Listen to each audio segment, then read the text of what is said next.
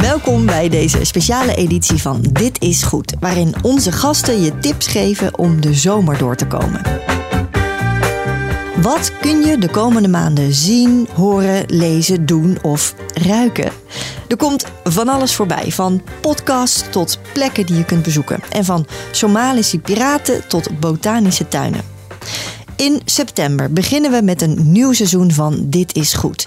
En daarin praat ik uitvoerig met gasten over wat zij het allerbeste vinden in hun vakgebied. Maar nu eerst dus uh, deze zomeraflevering met korte aanbevelingen van gasten uit het vorige en uit het nieuwe seizoen. Tips die niet per se iets te maken hebben met hun vak dus, maar gewoon gaan over boeken, films of plekken die hen heel erg inspireren. De eerste tip komt van Ionica Smeets. Deze hoogleraar wetenschapscommunicatie vertelt over een podcast die zij zelf heeft gebinge-listened en uh, waar ze zelfs een paar keer heeft om moeten huilen. De Anthropocene Reviewed, een uh, podcast. Ken je die? Nee. Het is van John Green, de uh, dus auteur van boeken als The Fault in Our Stars. Uh, maar hij is ook bijvoorbeeld de maker van Crash Course op YouTube. En hij heeft, um, nou ja, ik, ik ontdekte het dus deze zomer. En ik heb het echt gebinged uh. Hij had bedacht dat hij um, had eigenlijk een paar dingen bedacht. Ten eerste dat hij steeds over zichzelf schreef in een fictievorm. En dat hij dat steeds ongemakkelijker begon te vinden. Hij heeft ook een enorm bereik. En dat mensen ook allerlei dingen over hen aannamen. die in zijn personage zaten. die natuurlijk niet zo letterlijk hem waren. En hij was ook aan het bedenken dat reviews eigenlijk ook een soort autobiografie zijn. Dat een goede bespreking van iets zegt natuurlijk heel veel over wie de persoon is. En toen is hij dus een podcast gaan maken, de Anthropocene Review. Dus Anthropocene is het tijdperk waarin de aarde vooral beïnvloed wordt door de mens. En hij bespreekt dan elke keer in een essay van een minuut of tien En het kan van alles zijn, bijvoorbeeld uh, Diet Dr. Pepper of Super Mario Kart, maar ook een boom waar die langs loopt. En, um, en eigenlijk zijn het dus heel persoonlijke verhalen. Hij vertelt ook heel veel over de psychische problemen die hij zelf heeft. Tegelijkertijd is het ook echt fantastische non-fictie qua feiten. En het gaat steeds eigenlijk over de onmacht die je hebt als individueel mens om iets te veranderen. En hoe de mensheid als geheel een verwoestende kracht is. Dus hij, hij op een gegeven moment hoe biodiversiteit steeds verder afneemt en hoe erg hij dat vindt. Maar dan zegt van ja, weet je, ik kan niet eens mijn eigen kinderen een ontbijt laten opeten. Dus wat moet ik eraan doen? En uh, ik heb echt meermaals gehuild. Uh, er is inmiddels ook een boek van. En, uh, maar de podcast kan je dus gewoon gratis luisteren. En nou, ik vond het zo goed en zo mooi.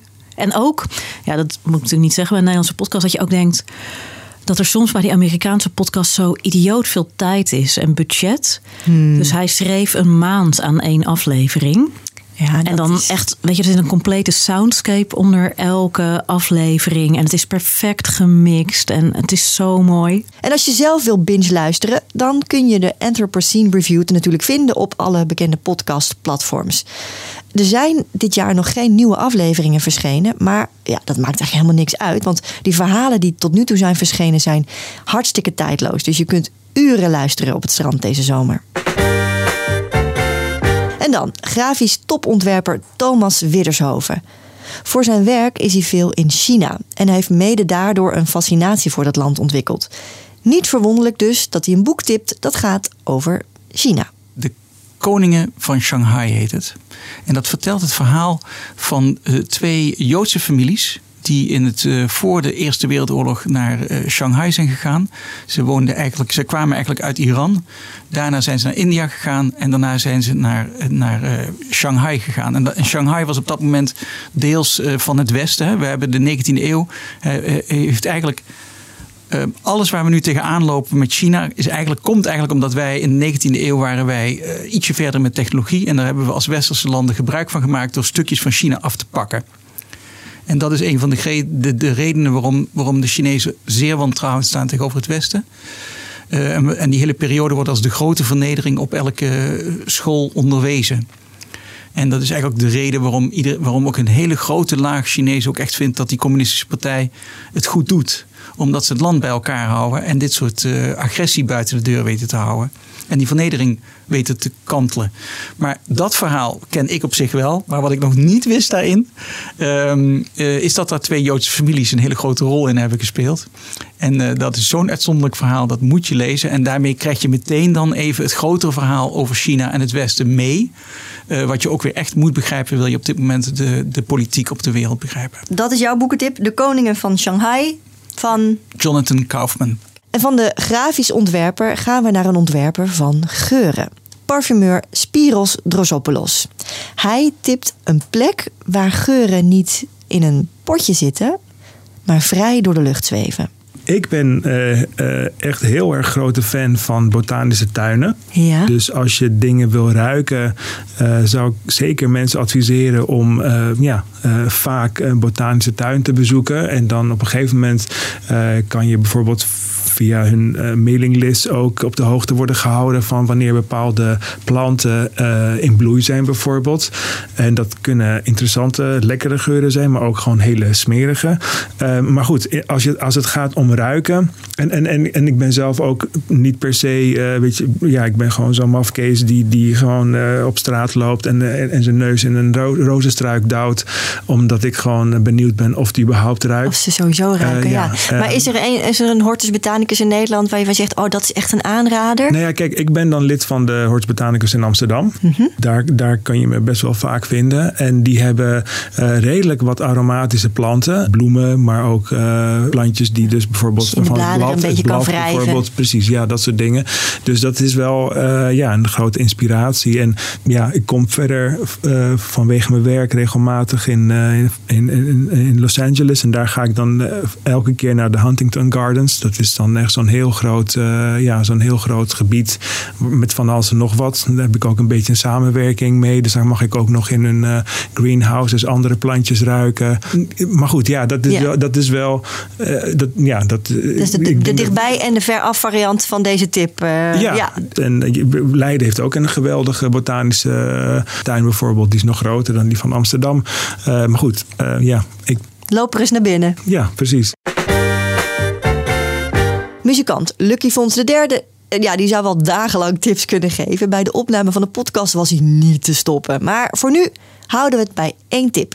Ik ben echt een hardcore lezer. En ik ben momenteel bezig een heel leuk boek. Dat heet Robert McFarlane. Uh, het boek heet Old Ways. Ja.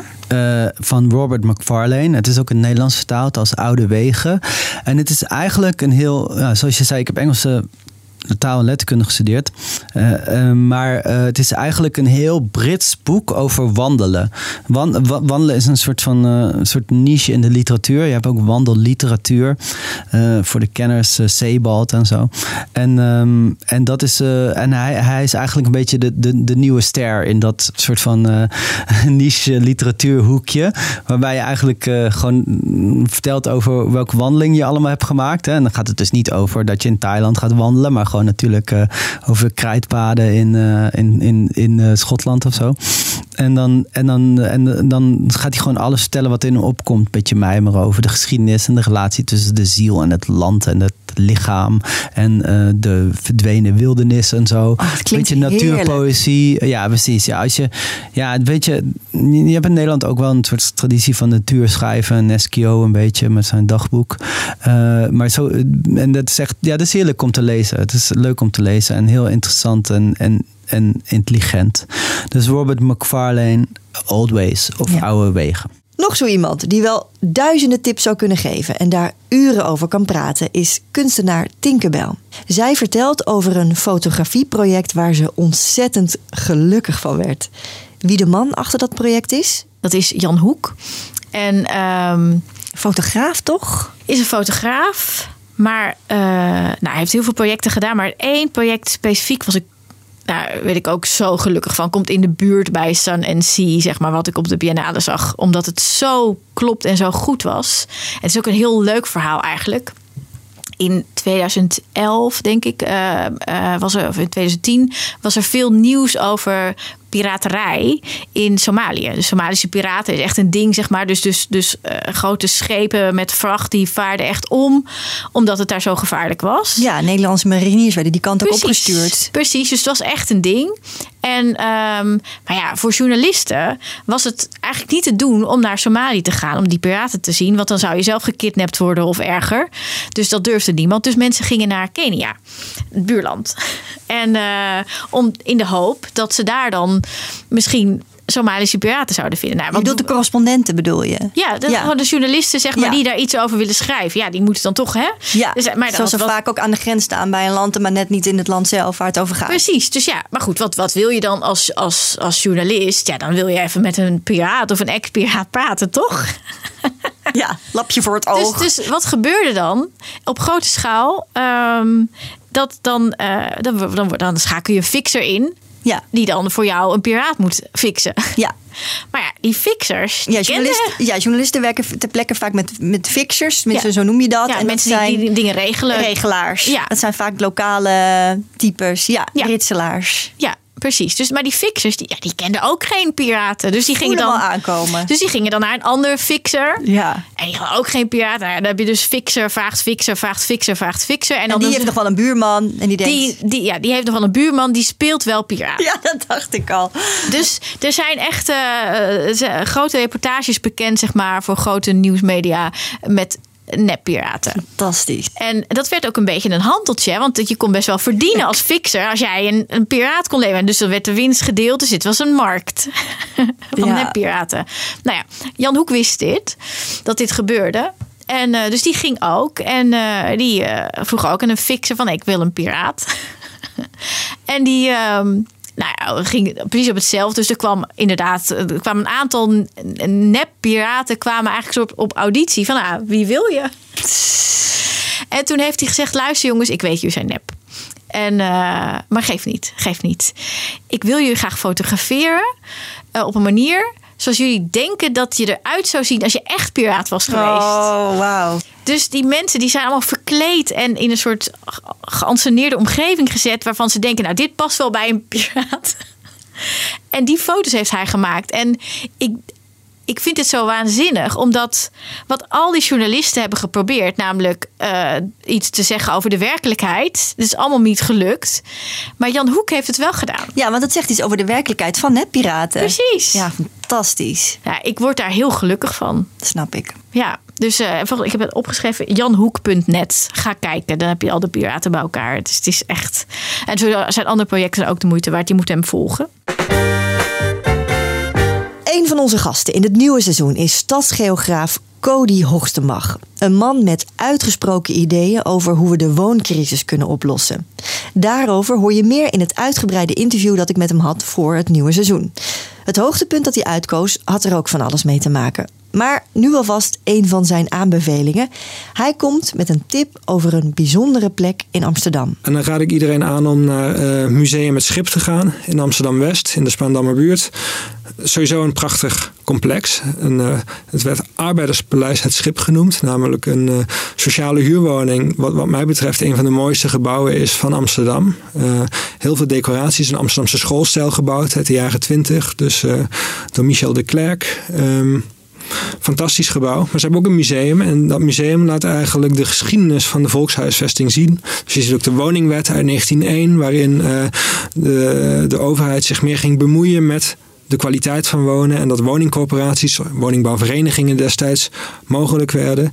Nou, dat museum geeft eigenlijk een, uh, een geschiedenis weer van de, van de opbouw van de Nederlandse volkshuisvesting. En je kunt ook een rondleiding doen en dan zie je ook zo woonden de mensen in de 19e eeuw. En toen kwam de volkshuisvesting. En toen ging het allemaal een stuk beter. Dus het biedt een broodnodige inspiratie om uh, vandaag weer te gaan investeren in, uh, in volkshuisvesting. Ja, Museum het Schip in de Museum het Schip. Aanhammerbuurt ja. in Amsterdam. Wie ik ook spreek in de nieuwe serie van Dit is Goed is modeontwerper Joline Jolink. Haar tip vraagt wel iets meer van je. Want uh, ja, als je deze aanbeveling wil opvolgen, zul je iets meer moeten doen dan even ja, met je muis klikken. Maar als het je lukt, dan is de beloning groot volgens Joline. Uh, ga in gesprek met iemand die je bewondert. en dat is een beetje naar aanleiding van een uh, boekje wat ik zelf heb uitgegeven vorig jaar uh, samen met Studio Lonne Wennekedonk. Um, om, het, om te vieren dat ik 15 jaar als modeontwerper um, werkzaam was. En we wilden niet een boek maken wat dan ja, terugblikt op 15 jaar wat je allemaal gedaan hebt. Maar een boekje wat vooruitblikt. En voor mij zit uh, vooruitblikken ook in um, gesprekken aangaan die spannend of nieuw zijn met mensen die je bewondert. En dat is gewoon zo leerzaam. Ja, dat hoef ik jou waarschijnlijk niet te vertellen. Ja, ik doe niet anders in mijn werk. Dat klopt. Ja, ik doe het in deze podcast, maar ik doe het ook bij zomergasten en bij wintergasten inderdaad. En dat het is inderdaad heerlijk. Maar wat doe je dan als je niet een podcast of een tv-programma hebt of, of een boekje wil maken? Kun je dan, uh, ja als gewone sterveling, zeg maar, toch gaan mensen met mensen gaan praten die je bewondert. Ja, nou, nee heb je, ja kun je krijgen. Het is mij dus gelukt om uh, met Romana Vrede uh, in gesprek te gaan. Nou, die ken ik al een beetje. Actrice. En die bewonder ik ook heel erg. Ja, niet alleen actrice, ook regisseur. En ze heeft een boek geschreven. Echt een multitalent en ook echt een voorbeeld voor me qua uh, ja, lef. Um, en een andere uh, inspiratiebron is uh, muzikant uh, Thomas Azier. Nou, dat vond ik dan heel spannend, want daar heb ik dan wel zo op afstand natuurlijk concerten van gezien. Maar om dan een mailtje te sturen van zullen we een keer in gesprek. Maar ja, ik heb toch over die angst heen gestapt en dat ge gedaan. En toen uh, zei hij, leuk, ja. doen we. En kun je kort formuleren wat het jou dan heeft gebracht? Dat je dat hebt gedaan, zodat mensen ook weten wat ze ja. te wachten staat als ze je tip opvolgen? Ja, dat, dat is een beetje een fysiek uh, verhaal. Ik, ik voel dan echt iets in mijn borst en mijn buik. Dat ik een soort van groei of zo. Dus een heel warm gevoel van, ja, groei denk ik. Inspiratie, uh, verbreden van je visie. Ja, dus het heeft natuurlijk eigenlijk te maken met wat er allemaal in je hoofd gebeurt. Maar bij mij werkt dat ook door naar een soort heel blij gevoel in mijn torso. En dat was de laatste tip voor nu. Wil je nog meer aanbevelingen horen? Ga dan naar ditisgoed.net. En daar kun je je ook abonneren op onze nieuwsbrief. En wil je meer lezen over de tips uit deze aflevering? Kijk dan in de show notes of op ditisgoed.net.